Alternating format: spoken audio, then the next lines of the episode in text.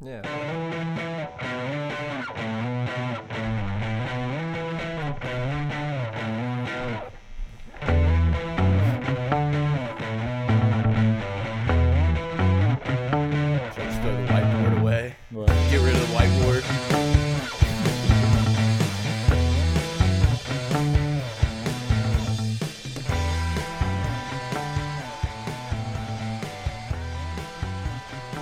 Guess here we are, Troy 24, LSU 21, post game pod, pod of gold. I'm here with Schneid. What's up, Schneid? What's up, guys? Mike's on the left. He's back as usual. What's up? I, I really Uh, don't even know where to start, man. Michael, you're dejected. Schneid, I mean, I can't even look at you in the face. You're so sad right now. I don't know what to do. I, we obviously aren't as good as we thought LSU was, and I don't. I don't even know where to begin. No answers. And just like we don't have any answers, it doesn't look like our coaching staff has much answers. Uh, our fans, nobody does. Um, here we are Sunday morning because I don't think it would have been a good idea for us to get together last night after that beatdown and talk about it. I think we wanted to sleep on it, wake up early Sunday, and It get, didn't help. It didn't No, help. no, it didn't I help felt like all. driving into the studio today that I was pulling into a funeral home. I really did. I mean, it's gloomy outside. I- I'm walking in. I'm getting phone calls like, "How you doing today?" You know, it's like That's what it felt like last night. It felt like a funeral for the LSU program. It- it yeah, I just kept watching and thinking, like, ah, you know, it's gonna change. We're gonna turn it around, and I mean, it really didn't. you know. I, I was reading this morning. The one of the tweets that really hit home was just about that full circle. You know, the momentum that we got from Nick Saban in 2000. Everything that we had built from the year 2000 has now gone full circle, and we are back to square one. We are back to 1999 as a program, um, and and it doesn't look any better in the future. Where you're not making a hire of the next up and coming greatest head coach of all time uh, to come build your program back up. So there's a lot of soul searching right now for our program on what we're going to do.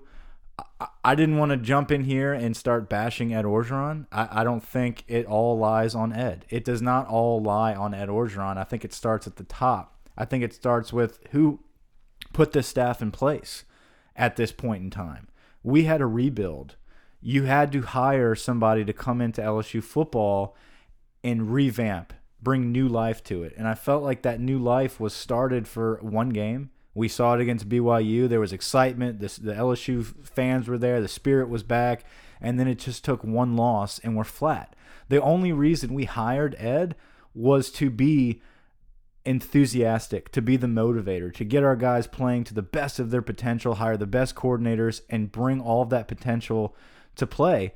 And Ed's flat. We are a direct reflection of our head coach, and he is flat. Yeah, you're right. I think LSU could still be that team with time because really the it still is the line of scrimmage. LSU is just getting manhandled on the line of scrimmage, whether it be Syracuse or Troy. And guess mm-hmm. what? We're about to start playing a bunch of dudes. Florida, Auburn, Alabama. We're not winning any of those games. I mean, Dude, even Ole Miss's line is good. Yeah. I mean, like they have got they have big guys. They have a better offensive and defensive line than freaking Syracuse. we're three and two through the easiest five games of our schedule. I mean, I don't, I don't see how it's going to get better from here. And and you know, we talked about Ed and the team being flat. That's his job. You know, we hired supposedly the two best coordinators in, in football. So if the team's coming out flat, then what is he really doing? You know, I think it's definitely fair to question a lot of decisions the coaching staff is making right now. Yeah, I mean, and it's just it's frustrating with me with Ed because I thought that's the one thing that would never happen at this program. I thought if at all fail, Ed Orgeron would be able to get players up and get them excited and energized, and we're just not seeing that. Even when there's a big play, it's like, here you go, all right, let's go back to the sidelines. And it's just really frustrating to see. I thought that we could lose games, but we wouldn't get out out. Uh, I don't even know what to say.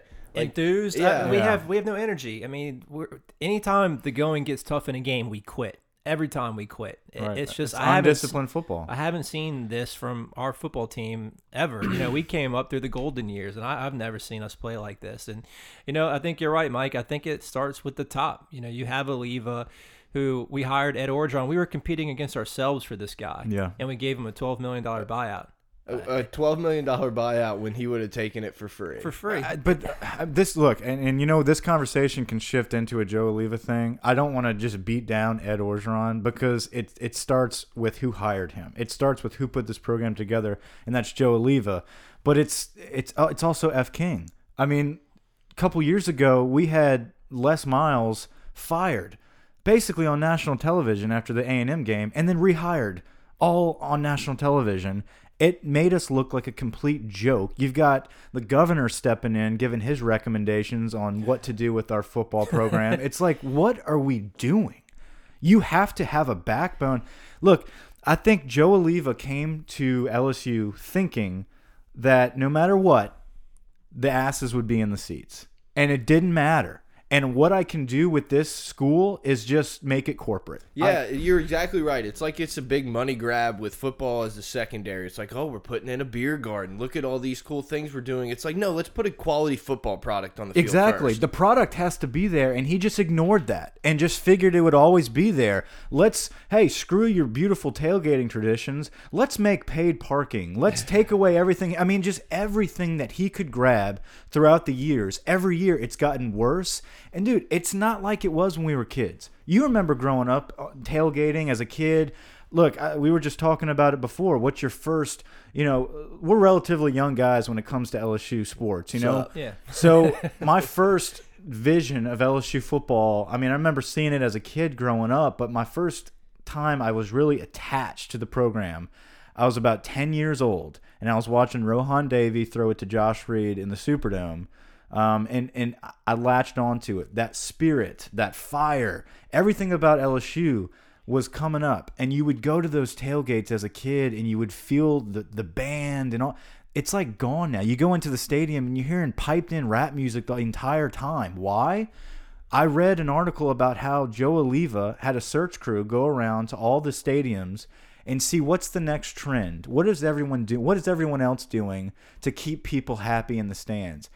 They settled on piped in music. He's thrown away everything that Tiger fans grew up loving just to get money and asses in the seats, and he has done it at the sacrifice of the actual football program. Yeah, it's re- like it's it's it's stupid. It's like an oxymoron. Yeah, it reminds me of at the rec at LSU. Do you guys remember when you'd walk in and they would have this like sign? It was like, "Look who inspired our rec. We took this from Georgia and this Yeah. from Florida." And you're like, "Ours is shittier than every one of these. Like even like anything." And that's what I feel like. I feel like we went in, we're like, "Oh yeah, let's half-ass that. Let's half-ass Yeah. that." And you know what? We're gonna make money anyway because it's LSU. It's more than just ripping the tradition away from the program. If you want to keep the fans and the seats happy, win games. I mean, that's what you have to do. I have a nephew who's there right now. You know, when I was there, I didn't miss a home game in four years. He came home this weekend. He has mm-hmm. season tickets. He he, had, he didn't care about going to the game, and he's a huge LSU fan. It's just It's the lowest point in our program Yeah, it's- in a decade. Uh, over. I mean, it's, Yeah. it's in years when you can't. Of course, you wouldn't want to go. Who would want to go watch that though? I know we want to be happy for our guys, but when our look, it's not about the fans quitting on the team. This twe- this team is quitting on us. You know, like they're quitting on their coach. You've got guys like Arden Key. How do you just sit out half the offseason and then just kind of mosey back in, play guarded football? Like he doesn't want to get hurt. Geis has gained 15 pounds. Like, what is going on? yeah. I mean, you got Devin White slapping seniors around, telling them where to be. You know, yeah, it, Devin White looks like he cares. That's what I no, like. to you do see, have you know? spots. You have got spotty players. Like you've got Devin White, like you just said. Yeah, but the point is, he's slapping seniors around, Yeah. like telling them where to be, and why don't they know that? You've they've been in the program for four or five years, some of these guys, and you know why are you not putting in the same amount of effort that a sophomore is? Yeah, and he's the guy calling team meetings. I don't know if y'all listened to his little interview last night, but he said, you know, we're I'm calling a defensive meeting. We're watching film. We're not doing good enough, and it's at least there are there is some leadership on this team, and I think we can all agree we want Ed Orgeron at LSU. As long as it takes for Joe Alleva not to make the next hire at LSU. That's and that's exactly the point that we were about to bring up and harp on is everyone's saying like, oh, well, we need to get rid of Ed now. you do realize who's making that next hire. The Same same, man that hired Ed Orgeron and Johnny Jones is going to be I am the search committee again. Yep. You trust that? No, you, you can't just make a change at head coach. It, like it has to be a You gotta gut the complete whole thing. gutting of the program from the top, from F King to Joe to Ed. It has to be a complete gutting of the A, program. Yeah. com- a complete overhaul of the athletic department Yeah. has to happen because look, you've got his greatest hire is a coach that hasn't even had a game yet in Will Wade. Mm-hmm. I mean, like, what are you doing as an athletic? How do you get away with that though? How do you get away with that contract, that buyout clause? I mean, like, what? Because look at that parking revenue we've been generating, bro. Exactly, but that's going to end. you know what I'm saying? Like, people are not going to go to the games. Yeah, but no, if Joe Alleva is making the next hire, I would bet whatever you want it's Dave Aranda, which I guess I wouldn't be opposed to. I think Dave Aranda is a great coach, but that's obviously what Alleva does. He's like, oh, you know, this guy's already at LSU. Instead of saying we're LSU, people take tickets, get in line to come interview for this job. It's like, oh, you know, we got this guy. He's pretty good. Uh, let's hold on to him. Yeah, he's going to go with the in-house guy because he doesn't have the negotiating skills. Because you know he has Tom Herman who asked for a million more dollars, and he, you know that's not how we do business. And he just, It makes me more pissed off every time I hear it. Yeah, it's just We're gonna look back on that and cry every time we talk about it because Herman's gonna Herman gonna- is tur- turning Texas around, and the problem we have now is by the time we're ready to make that change, A and M's gonna be making a change, Tennessee's making a change. You never know. Maybe Auburn will down the road. Everyone Florida potentially. and then Ole Miss is making a change, and then you got Texas on the way up. You get Texas and A and M both on the way up. You got Ole Miss replacing whoever's going to be the hot name around the South. What are we going to do? Like we're we're not a team. We're not a program anymore. Where we can just say people are in line to get our job. It's not true. You have to outbid people. You have if you want the best coach, you got to pay for it. And we're not willing to do it. So we have to gut it until we get a director in place that's willing to do it. Yeah, it's going to be really frustrating. I guess it's 2019 where we're going to roll into Texas and play at Texas, and we'll see where these two programs are because they're not in dissimilar spots at this mm-hmm. very moment. They're young teams that maybe aren't completely, you know, full with talent and we're going to see how these two programs rise under Ed Orgeron and Tom Herman. Early lead Tom Herman even after the Maryland loss. Yeah. And you know what's also interesting is that we're going to open up against Miami next year, a Mark Richt led Miami team. I think they're going to crush us. Miami looks good right now. Yeah. I don't know. I as far as the rest of this season goes, look, before this podcast, before last night happened, I did think it was going to be a close game. I did think this season was not going to be a great successful season, but I thought I would see progress. I thought I would see those young freshmen eventually turn the corner. I thought our offense would have to rely on an identity. We'd figure it out last night against a weak Troy, not a weak Troy. That's a great Troy football team and Troy standards, but against us, it's a weak football we're a team. three touchdown favorite in that game. Right. Yeah. That's, we- that's we what I'm saying. That's the game you have to put it all together, find your identity before you go to Florida. And we lost and we looked like complete garbage. Yeah. So and that's what's frustrating. But like you said, we should pretty much be 0 3 against Troy lifetime at LSU. And we've lucked out in two games. And we maybe if we had another five minutes, we would have lucked out in this one. same score, 24-21. Saban actually edged Troy in 2004. Um, Les Miles almost got killed by Troy, and we came back, one of the, the biggest comeback in LSU history. So, yeah, both of our most successful coaches of all time at LSU nearly lost to Troy. Ed didn't get that benefit last night, but it's not the way that we it's the way that we lost. It's not that we lost, it was the way that we it's the way that we've played every game. We've squeaked out every game.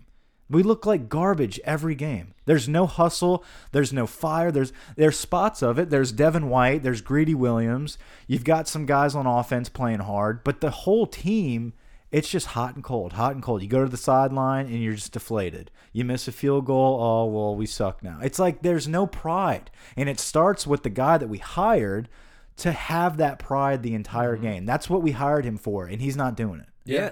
This podcast has changed. I mean, at the beginning, you know, I, we were all very pro Ed, and we were sold on a dream that we were he was going to be the motivator, who's going to come in here and get everybody excited to play. And that, to me, that's the most disheartening thing about this is the players look disinterested. They don't care. Um, they're just here to to show up to the stadium and they don't really care if they win or lose, and, that's what's unacceptable to me. He's lost the team earlier than I thought. Yeah. You know, against Mississippi State, I thought uh, I'm I'm not uh, ready to give up yet. I'm not ready to do. I think this is just a, a, a bad loss on the road with a young football team. The guys are going to bounce back. After what I saw last night, you can tell that there is no answers. It, it, it is what it is. We are what we are and this is what it's going to be going forward. I, unless he can make some kind of drastic change in the next couple weeks, we're not going to see these guys buy in. What are they believing in if Ed doesn't have the answers either? Well, you're undermining some of your players. You know, you, you take Etling out, who you know, he got hurt, but he probably could have came back in, and he's not playing bad football. And then Brennan comes in, and you're leaving him in until he throws a pick, and then okay, you make a mistake, I'm going to pull you out. Well, and then it's hey Etling, go win the game for us, and it's like, well, that's not fair to Etling either. Yeah, I, what what message are you sending to your players? Well, mo- what message are you sending to Brennan now, who has been preparing for this moment? He finally gets it. You threw a pick, you're not coming back in. So now, what does the young kid think every time he steps out on the field? He's Jarrett Lee all over Don't make again. a mistake. Don't throw a pick. In, in his in his defense, you know, I don't think Brennan looks ready. He, he, looked like he struggled to get some of the plays in. It looks like he turned the wrong way to hand the ball off one or two times. But if that's the direction you're going, stick with it. It, yeah. it seems like LSU's program is we just do what our fan base wants us to do. And that's the issue. And that is exactly the issue. Ed is so influenced. I feel like not just Ed, everyone is so, the decision makers are so influenced by people like us. And it shouldn't be that way. We're just talking heads sitting around you. We're fans. We don't get paid millions of dollars to make these decisions. Not yet. Not yet, Bennett. But we don't make these decisions. We talk about it. We give our opinion of it because we're loyal fans. People like uh, Joe Alleva and, and Ed Orgeron, they should not be influenced by what we have to say. Have a backbone, make a decision, and run this program how you see it to be run. Don't just do a two quarterback system because you're getting pressure from the media asking a bunch of questions. When Myles Brennan going to be in? Is this going to be a Jordan Jefferson versus Jarrett Lee thing? Like it, it is it is uh, storylines just being tossed around and circled around and there's nobody that's just standing up and saying screw all you guys this is a new program moving forward the past is the past I don't care what happened with Les Miles. I don't care what happened with the two quarterback system. I don't care that we haven't had a good quarterback in years. We have to trust this process that I'm implementing, and eventually we're going to get there. But it's not. It's whatever we want this week, whatever you want to see this week, whatever you want me to say this week, I'm going to say it. We don't have any answers, though. Like you were bringing up, Schneid, we don't know anything about the players. Why are they suspended? Why? Who? What? What injury do we have this week? It's like everything is just masked and lied about. Yeah, I think it's it's definitely if there's one thing we can really criticize Ed for, it's these personnel decisions. We don't know why there's 15 scholarship players that missed this last game. We don't understand what's going on because there's really all that transparency that was there with the program when he was the interim coach isn't there anymore. We don't we don't know anything that's going on. Yeah, and it, and it's not look, it's not in our place to say, you know, he doesn't owe us the answers. Who are we? Just fans. But you have to give some type when you perform like this against Troy, you got to pull everything out of the closet, man. You got to let us know what the hell's going on with the football program because we can't trust you right now. But to me, it just seems like the players don't even know because they don't. They, they haven't bought in. They, they haven't bought in. That's the thing. They don't know what's going on. They're at a loss. You look at all these player interviews. They're just kind of like, yeah, I mean, we could do some things differently they don't know. Like they don't know what to tell you. Yeah, and, something else I want to bring up too is these practices, right? So we, you know, you guys touched on it in the last podcast about how we shorten the practice time. They're less physical, and it's more about watching film. But maybe these practices have led to a soft football team. Don't we look soft? We just gave up 250 rushing yards to Troy. No, we absolutely look soft. We get manhandled on the line of scrimmage, but the I think the difference, like uh, my reasoning behind what you just said, is that we have so many young guys that this is the time where you're teaching technique and and everything and it's just about repetitions and maybe this works only if you have a older experienced football team with a bunch of 7 10 Devin Whites on the field everyone knowing their job and doing what they do then you can go game plan and scheme against the other team. But right now we need to be teaching these guys how to play and how to do things the way we want it's hard to watch after you know during the first series of the game. Well, the second series because we fumbled the first play, but you got Ed Ingram and and Saahdiq look like they're huffing and puffing out there during the Yeah. the second like the th second or third play of the game. They're already mm. tired. Where's the conditioning at? It's just there's a lot of questions that you know I think as fans we want answered that we're probably not going to get the answers. It's it's lazy, undisciplined football, and it's just frustrating as an LSU fan to watch this game and have to rely, just have to linger on every play, just looking for a glimmer of of positivity, something to talk about that is good, and then you flip over one channel over and you look at Clemson versus Virginia Tech, and you're just like, damn, we are just so far Yeah, behind. that's what football looks Yeah, like. I mean- and you flip another channel and you flip it to Any of them. Alabama, and you're like, oh, okay, that's how you go in and manhandle a team you're better than. I Yeah. mean, they just go in. that's and just a whole their nother level. will. Yeah, I mean, Tiger Stadium is not an intimidating place to play anymore. absolutely not. Nobody's scared to come Troy, here and play. Troy's coach after the game talking about how we, we came in and we overcame the, the, the biggest crowd or the, the biggest atmosphere in college football. It's like, dude, look, It you, used you- to be. It used to be a couple years ago It will be for a Bama game, but that's it. for a quarter. Yeah. I, I mean, I don't know, man. I feel like, but you know, we we already touched on it, but I I feel like what we did with Ed was we hired somebody that we thought was just going to have to sustain the talent that we already had, which was completely off. We needed a rebuilder. He's not a rebuilder. Everything he's ever done as a coach has always been to jump in the middle of something and light that fire and and get that talent to sustain. Yeah. Not a rebuilder. But now we need to see this through with Ed Orgeron. This is not a after this year get rid of him, pay out his twelve million dollar buyout, and go find someone because who's going to want to come into this type of uh, program if it's you get six games, you get three games, and if you don't perform, you're out. We need to let O try to build his program, get in the recruits. And as bad as he was at Ole Miss, they were pretty good like instantly after he left. So Yeah, you if he can get the guys, you can't say that he's not good at getting the talent in the program at the least. Well, that's the thing is, is he going to be able to do that this year? Let's say we go three and nine this season. Is he going to be able to pull in the talent? I I mean, how many decommits are we going to have by midseason? I, that's the thing. If that happens, how long do you stick with him? I- I'm so torn on the Ed situation because, you know, as, as you guys know, I'm really into recruiting, and this year is kind of a down year in the state. So if you're going to make a change, this year seems, from a recruiting perspective, the best time to do that because next year we're loaded. And if you make that change next year and we're missing out on, you know, we have um, Ishmael Sopsher is probably the number one player in the country at D tackle. We need that guy. And if Yeah. you make that change in the middle of next season, then you're you're setting your program back just another two or three years. Yeah, I, I don't. I don't see us being able to get those guys regardless. I don't. I, I mean, like this season, even if say say we go three and nine, and we we we and nine. we fire Alleva, we bring in a new AD, we bring in a new head coach. That head coach is not keeping anybody that's on the staff right now.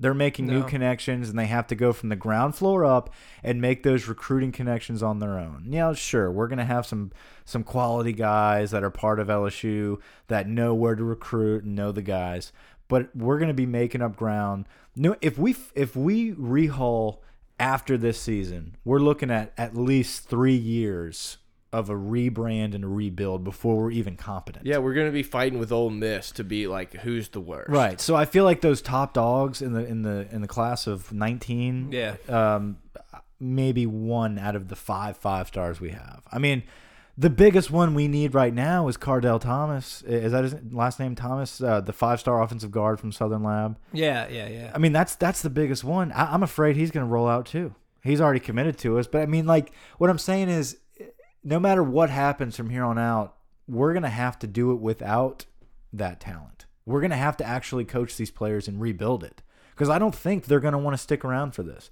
People are these kids are so fickle nowadays.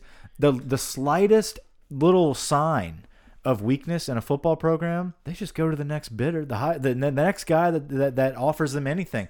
I was watching over the summer. It was an SEC network program where they had Nick Saban on, and they asked him, "What is the biggest difference between whenever you were coaching at LSU and now at Alabama? What, what is the difference in the programs and your approach to coaching?"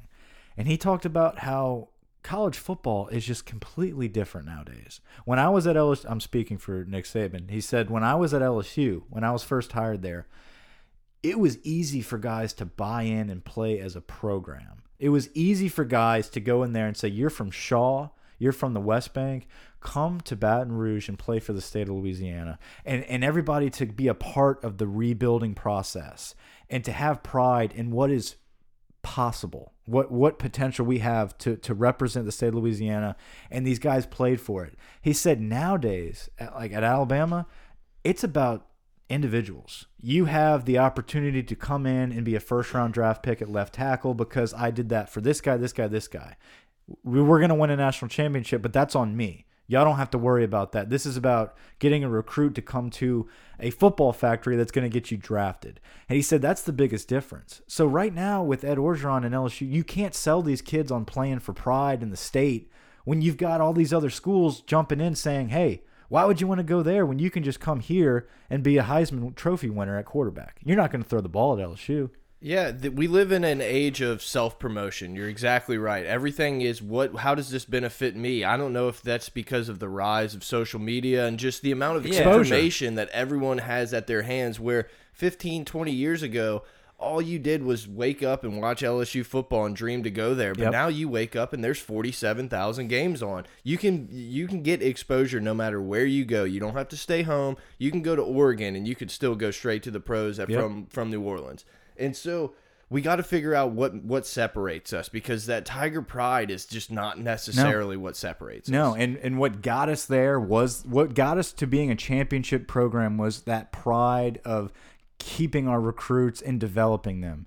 Now, if we can't do that, the only way to get those kids back is to somehow coach up what we have and win championships without those five stars. That that's that's ultimately the biggest job that's going to have to happen one day. In order for us to be back to a championship program, I'm talking SEC champions and playoff bound football program, we have to find a staff that can develop players that are three stars, maybe a couple four stars within the state of Louisiana and, and around the areas and develop them into a championship program. Then and only then are we going to be able to pluck Ishmael Sopsher from Amite. Yeah. As hard as sad as it sounds, we're gonna have to win championships before we get those five star players from Amite. I, I guess I kind of agree to uh, a little bit. I mean, I feel like any coach nowadays can come in and sell the program and get the recruiting class looking pretty good in a short amount of time. It's just, and we're still an NFL factory, don't you guys agree? I mean, Yeah, if no, we for are. For now. we Yeah. are for now. So I think you can still sell them on that dream. I just, But I think that's the the detriment of us. I feel like that kind of screws us in the end because you look at guys like the success that people have had in the NFL. Oh well, anyone can just go to LSU and and coach these guys up because look how good they are in the NFL. So you can automatically go to LSU, just hire anybody, and they'll be successful. yeah, yeah, I guess I just think that the LSU program, with you know us being the only major university in the state, that there's still going to be a lot of kids that want to come here, and we're we're going to be an NFL factory. It's just about finding the coach that has the skins on the walls, and I don't Absolutely. Think, I don't think Ed necessarily has that. He has that with D linemen, but he doesn't necessarily have that as a as a head coach, and you know that's kind of what and we, we need. we should have seen that before. Yeah, but Yeah, you, you know, you talked about it, and you know Nick Saban, all that stuff. But guess what? Look at that coaching tree that was coaching all the Mm-hmm. kids under that. You had the Jimbo Fishers and Will Muschamp. Muschamp. I mean, you had head coaches like big Dooley, time. Yeah, Pelini, I mean, they were all there. and it's like maybe we have to figure out how to build that coaching tree Yeah. of people that we don't know about. Urban Meyer has a tree. I mean, Ur- Urban's got Yeah, Tom Herman's part of his tree. I mean, they you have to find what would would be amazing is if we found that next guy, that next Urban Nick, you know, that that next guy to come in and start his own tree back at LSU. But the problem is, you are now in an era where the SEC. I mean, it's almost like it's gone full circle again. The SEC is so dominant right now, where you know you give a coach a couple years, if he's not winning, he's out, and we're going to get the next best up and comer. You got Texas on the way up. A and M's got the most money in the conference. They can buy whoever they want after someone's gone. You got TCU taking recruits from North Louisiana. Uh, You got Bama if they want a guy we're privileged enough to keep kids from from Bama because they let us. If they want somebody, they'll come in and take them. It's it's true. They'll come in and take them if they want them. Yeah, um, But I, I don't think any of us we don't think that there's going to be a coaching change this year, right? No. With the twelve That's the million dollar buyout. So so where do we go from here? Like how do we fix this season? this season can't be Well- fixed unless look. I I still think that the defense, the defense will come around with these young guys. The problem is, who is going to keep them bought in? They are only going to get better if they trust the coaches and they follow the development that they're being taught. If they don't trust what's going on, if they just throw their hands up because their head coach is flat, they're not going to get better. Well, I think it's obvious they don't trust it because they're all trying to make plays for themselves. They're not playing within the scheme. And and that's why we're giving up these huge runs. You know, last year we didn't give up these big gash plays that we're giving up now. It's Yeah. because there's players out of position because they're all trying to play for themselves and not for the team. And and all of that is true. Everything y'all are saying are right, but we gave up 24 points in a game that seven of them were gifted by the offense, opening up with a fumble. It's not like our defense is just getting demolished. It's No. that we can't keep up on offense. 0 for 9 on third down, LSU's offense. 0 for 9. We got to we got to we got to shore up the line of scrimmage. We got to clean up the mistakes. We got to play disciplined, enthused football. And I think, look, if we can do that, we can win a couple games this season. We, can win a couple more games. LSU could play a blind team. If you're going to turn it over four times and not get a third down conversion, you're not winning the football No, game. you're not going to win. And the offense, I just, I, I don't know how we shore up the line. It, it doesn't, it hasn't looked good in weeks. Well, we bring in uh, Myles Brennan to come in and throw, get him experience, whatever you want to call it, and we're just immediately flooding him out of the pocket, just instantly, right at, right out the gate, and it's just like we are so scared to let this kid sit in the pocket and go through a read and take a hit, and it's just Well, yeah, because imagine that hit that Etling took. Imagine that being an Alabama defensive lineman. Do you want Brennan taking that hit? I mean, I, I know I don't. I want Etling in there trying to win the game for us personally. I did. so I there's mean, a lot of there's a lot of issues with the program, and and it, and it look you can point at O line, which that is definitely the first thing that you see. It's it's it's almost the easiest thing that It's you a can glaring that- weakness. Right. It's like, hey, what is wrong with our team right now? Boom, fix the O line. But it starts deeper. It starts at the top. And I think, look, once you fix the O line, then where do you go from there? You got to have a plan in place to get, hey, if you're going to get Myles Brennan back in when the O line is fixed, keep him in the pocket. Do not keep having him run for his life and running all these crazy plays that are not going to develop his reads. You have to start from the ground up.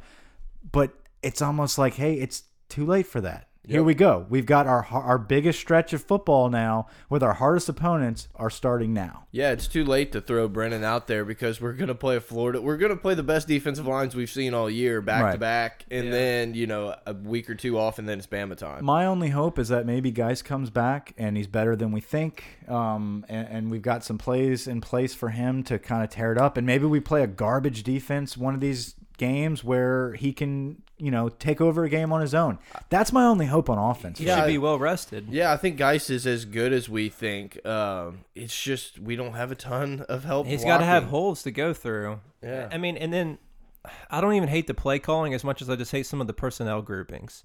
You know, we're throwing screens out wide to our fullback. Why is that not Drake Davis or Stephen Sullivan, guys that can that can break the game open for you? Yeah, I completely agree. It's it's always weird. I mean, Carter looks like the best, second best wide receiver on our team. he's He's, got stiff a, a, 90, a 99 rating on stiff arm. huh? Yeah, I mean, he's just throwing dudes around. A uh, fullback, what is he from Georgia? Yeah, uh, I think so. A fullback from Georgia is our top wide receiver. I mean, shark like- after shark. But I mean, just where did where have we gone, man? Like we we're from a state that is just filthy with defensive backs, wide receivers, and we're just we're we're throwing the ball. DBU doesn't matter when you're giving up five and six yards a carry because they're just going to run it down your throat. Yeah, and you know, you said what happened. That we, I sat there and watched two guys, one at Oklahoma State, Tyron Johnson, and one at SMU, and Trey Quinn, that should be on this team right now, and they're making plays. Yeah, they're all making plays, and then you got Travis Etienne at, at Clemson that we didn't barely recruited, just tearing it up for Clemson. So. The players are in our state. They're here. They're poised. They're ready to play. But we have to give them a reason to come to LSU. And until that happens, I think we're going to struggle. Yeah. yeah, I don't think it's as doom and gloom, or it could not be as doom and gloom as we are right now. It's a tough loss. This is a big low in the program This of is The lowest of the low. This is the lowest it's been probably since UAB 2000. So what you know is it get worse from here? Probably so. If we don't win another game this season, what is the mood going to be like? Darkest before the dawn. Batman taught me that. You know, everything comes in circles, though, guys. I mean, everything comes in waves. Okay, what goes around comes around. I think everyone can see. Look, every single ESPN writer. I mean, you you look at everybody talking about the fall from greatness. Okay, but it does. At least we are identified as a great program that should have a great coach and that deserves it because it's got the potential. Everyone sees it.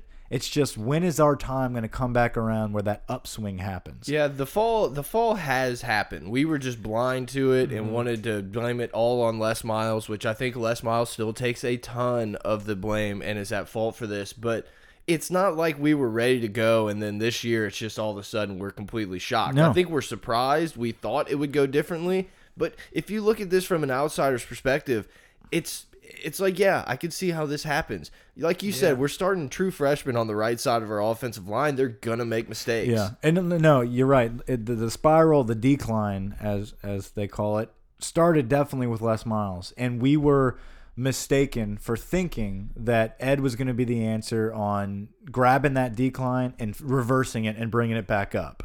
Um, th that's that's where we made a mistake. Was thinking that it could be changed by just bringing in coordinators and having a motivator, and I feel like that's not the answer that that should have been that should have happened. Yeah, I just feel like this program's not going to begin to rise up until we have an administration that realizes the importance of having A good you football know, a great football program and keeping the traditions and hiring the right people. And you know, until that happens, I just don't see us climbing out of this Yeah, hole. I mean, I I guess to sum up the whole podcast is Joe Alleva needs to go. Yeah, I mean, I'm all for Joe Alleva needing to go. The last note I want to say about the LSU team is, I mean, can we find a fucking kicker, please? Oh man. like seriously, give us someone who can at least kick it through the uprights. Like I'm so sick of watching this kid duck hook balls. Like, I that's saw not Troy's close. kick and I was like, "Oh man, that was really bad." And I saw ours, and oh, Meanwhile, God. you got Joe Bulovas from Mandeville High School gets a scholarship to Bama. Yeah, but no, I I put in our group chat like LOL at this Troy kicker, like what a joke. And then four minutes later, our guy somehow duck hooks one's even worse than this kid. Look, when it rains, it pours. When you've got a undisciplined football team that doesn't have an identity, every aspect of it looks like hot garbage, and that's where we are right now post Troy. And we attempted an onside kick with eight minutes left in the oh, game. Like what a joke! You That don't was trust your defense to. That was bad. yeah. I mean, we got fortunate and forced to fumble at the end of that drive, but still, the, I mean, Dude, if we don't force two fumbles on that Chun kid, we're getting I blown mean, out. yeah, it's twenty. Screw Chun. It's thirty-one seven. That was a little inside jab. That's I loved it. No, he's it, it would have been 31-7, 31-14 maybe if we're lucky. So I mean, LSU was lucky to get back in this game. Well, we got Florida. We're going to Florida this week. Walking into the swamp, and Florida sucks so bad. They needed a Hail Mary to beat this god awful Tennessee game. Florida is just not a good team, and guess what? We're probably going to go in there and get worked. Oh, Yeah. absolutely. Yeah. Well, That's all I got. So Everyone's ready to just turn these mics off. Hit us up, uh, everyone. We know how pissed you are. You guys are. We've been getting so many ats on Twitter with just everyone just pissed off. So keep them coming, guys, because we're with you. We're as frustrated as everyone. It's funny. Whenever we were started this podcast, a couple people said, "Oh, you know, it probably would have been better last year because of how tumultuous it was with Les Miles leaving, etc." And this one is going to be more of like a sunshine, roses, and daisies, and that just hasn't been the case. know. I mean, it started like that, but man, i- it's a frustrating time to be an LSU sports fan. You listen to Matt Moscona or Charlie Hanagriff post game, and they feel just like us. They're pissed off. They felt like they've been lied to. we were sold a dream, and they don't like what they've seen, and it's just hard to swallow. It's a tough pill to take. Tough pill. But we're still here. We're gonna keep bringing you the fresh, basketball hot takes. season around the corner. We'll Wade, We've baby. always been said a basketball podcast. We're going to so- be breaking out those first in hindsight podcasts earlier than we thought. seriously. yeah, that might be our uh, Week go-to. eight. But even you know, even as awful as LSU's been, we're having such a blast doing this, and we're so happy so many people out there are enjoying it as well. So keep keep following, keep spreading the good word, Mike. I know you want to talk about rate and review. That's your thing. Yeah, that's my thing. Uh, so rate and review us on iTunes. Uh, don't take your frustration out. On, uh, don't take your LSU frustration out on the iTunes app. Uh, rate and review us. Give us five stars. Um, you know, the more that the more reviews, the more ratings we get on iTunes, the more this thing gets spread around, and you're not the only one listening. So we thanks a lot. We thank you a lot for the support. Uh, we apologize for the grogginess this morning. We're a little out of it. We're a little shocked, dismayed, um, frustrated, sad. It's a it's a dreary day, and uh, we're just we're just all in mourning. So, thanks for listening, guys. Schneid, you got anything on the way out? No, man. It's no words. Tough time. Tough times, guys. Well, guys, thanks for listening. Rate, review. Hit us up on Twitter, email.